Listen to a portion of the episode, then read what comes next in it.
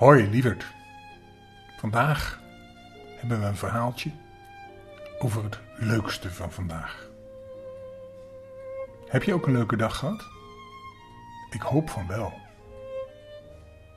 Ik heb in ieder geval wel iets heel leuks meegemaakt en dat ga ik je zo vertellen. Want eerder hebben we het alles gehad over het leukste en het stomste. Weet je nog wel? En het leukste en het stomste moet je elke avond aan tafel tegen je mama of je papa of iemand anders vertellen. Oké, ik ga wat over het leukste van mijzelf vertellen, van vandaag. Ga je weer lekker onder de dekens liggen met je ogen dicht? Want bij het verhaal van vandaag kun je in je hoofd een heleboel verzinnen eigenlijk een film in je hoofd afdraaien. Lig je lekker? Dan gaan we beginnen. Zoals gezegd, ik vertel elke avond aan tafel wat het leukste en wat het stomste van vandaag geweest is. Moet je ook doen, hè? En het stomste mag je zeker niet vergeten.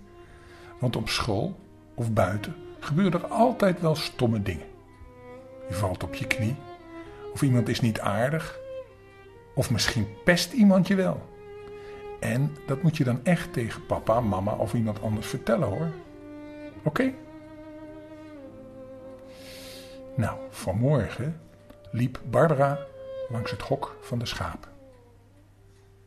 En die hoorde daar kleine geluidjes. Dus ze ging even kijken. En wat zag ze? Er was een lammetje geboren. Heel plotseling, want we wisten eigenlijk niet dat het mama schaap zwanger was. Toch wel heel spannend, dat kun je je wel voorstellen. En even later werd er zomaar een tweede lammetje geboren. Een hele mooie, zwart met witte vlekjes. Nou zul je natuurlijk zeggen, hoe kan dat nou? Je weet toch dat er lammetjes geboren worden? Want vooraf is mama schaap zwanger. Weet je hoe ze mama schaap noemen? Dat is een ooi. Een ooi. Leuke naam, hè? Van, bij een schaap is de mama een ooi en de papa is een ram. Goed onthouden, hè? Nou, en je hebt gelijk natuurlijk.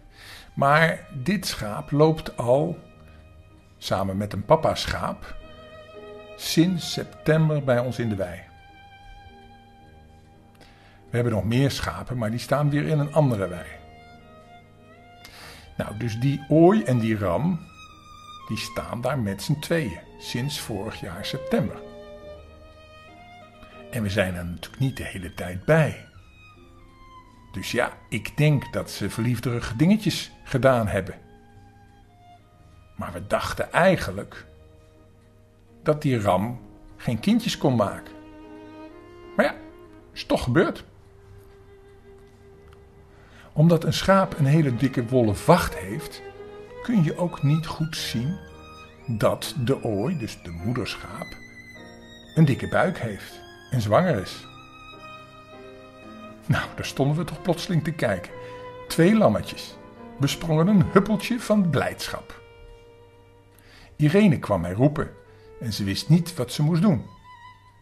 Nou wist ik dat ook niet precies, maar ik doe gewoon alsof. Uiteindelijk krijg je niet elke dag lammetjes, toch? Dus dan weet je niet precies wat je moet doen. Maar we zijn in het hok gekropen en hebben de lammetjes met een handdoek en met wat stro droog gevreven. Je moet dieren die net geboren zijn altijd een beetje stimuleren, zeggen ze. In de mond van het lammetje zat nog wat slijm uit de buik van de mama en het vachtje was ook heel nat. Ook mama schaap, dus onze ooi, was een beetje onwennig. In de buik zit een schaap, net als bij een babytje, met een navelstreng aan de mama vast. Dat is een soort slangetje van de navel. Dat loopt naar wat ze noemen de moederkoek, die als het ware is vastgezogen in de buik van de mama. Je hebt zelf ook zo'n snaveltje, weet je wel, op je buik. Vaak een kuiltje of soms een bobbeltje. Jij zat dus ook in de buik aan je mama vast. Bij het lammetje scheurt dat slangetje de navelstreng dus door. En dan hangt er nog een sliertje aan zijn buik, als die net geboren is. Een soort rafeltje. Daar moet je snel wat desinfecteren. Daar doe je betadine op. En desinfecteren betekent dat je eigenlijk moet zorgen dat je het schoonmaakt tegen de bacteriën. Want anders kruipen de bacteriën, dat zijn ziektekiemen, dus, dus kleine beestjes die je ziek maken, via het slangetje, dus de navelstreng, in het wondje naar binnen in de buik van het lammetje. En dan wordt het lammetje misschien ziek. Ook moet het lammetje direct wat drinken. En niet gewoon limonade of water. Nee, en ook geen gewone melk. De eerste melk van de mama-schaap noemen ze biest. En dat bevat heel veel voedingsstoffen, maar ook afweerstoffen tegen ziektes. Maar ons moederschaap had niet direct melk. Dus heb ik geprobeerd mama schaap te helpen. Bij schapen noem je de borsten uiers. En die waren niet heel dik gezwollen. We hadden ook geen heel specifiek voer gegeven voor dit schaap, omdat we niet wisten dat ze zwanger was. Een schaap heeft net als een mens tepels, waaraan de lammetjes moeten zuigen. Maar die tepels zijn wel langer dan bij mensen, zijn soms een paar centimeter lang. Dus die kunnen veel dieper in de keel van het lammetje komen. Heb je wel eens gezien hoe een koe gemolken wordt? Nou, die heeft hele lange tepels. Die zijn wel zo lang als een kleine vinger. En bij het melken moet je met twee vingers langs de tepel glijden terwijl je hem samenknijpt. En dan knijp je als het ware de melk van boven naar beneden. Dat is best een nauwkeurig werkje. Dat moet je een beetje leren. Maar ik heb het wel gedaan. Ik heb, het op, ik heb op, de, op mijn buik onder, de, onder, de, onder het mamaschaap gelegen, gelegen. Ik heb haar tepels gepakt en met twee vingers aangedrukt en van de uier naar het uiteinde laten glijden. Ik vond het zelf best wel goed gaan, maar er kwam geen melk uit. Toen heb ik het lammetje opgepakt en onder de buik van de moeder tegen de uier van, van de moeder gedrukt. Met hun kleine kopje. En na enige tijd lukte me het om het mondje van het lammetje om de tepel te krijgen. En zagen we het lammetje eraan trekken.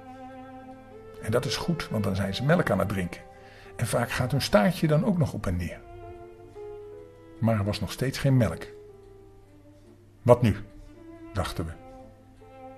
We hebben Reinier, een bevriende boer van ons, die ook altijd hooi en stro brengt, gebeld. En die is even komen kijken. Hij heeft ook wat biest van de kalveren meegenomen. Dat bewaren ze in de vriezer om de pasgeboren lammeren even wat extra voer te geven. En met een dun injectiespuitje heb ik dat bij kleine beetjes in de mond van het lammetje gespoten.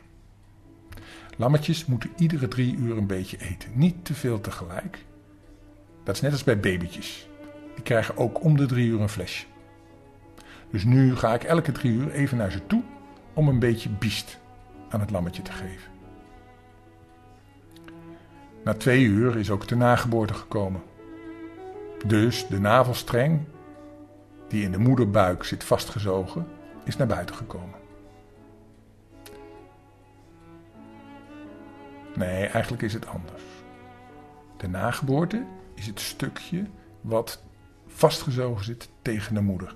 En de navelstreng komt eruit. De navelstreng zit aan het lammetje. Maar die was al kapot gegaan. Kapot gescheurd.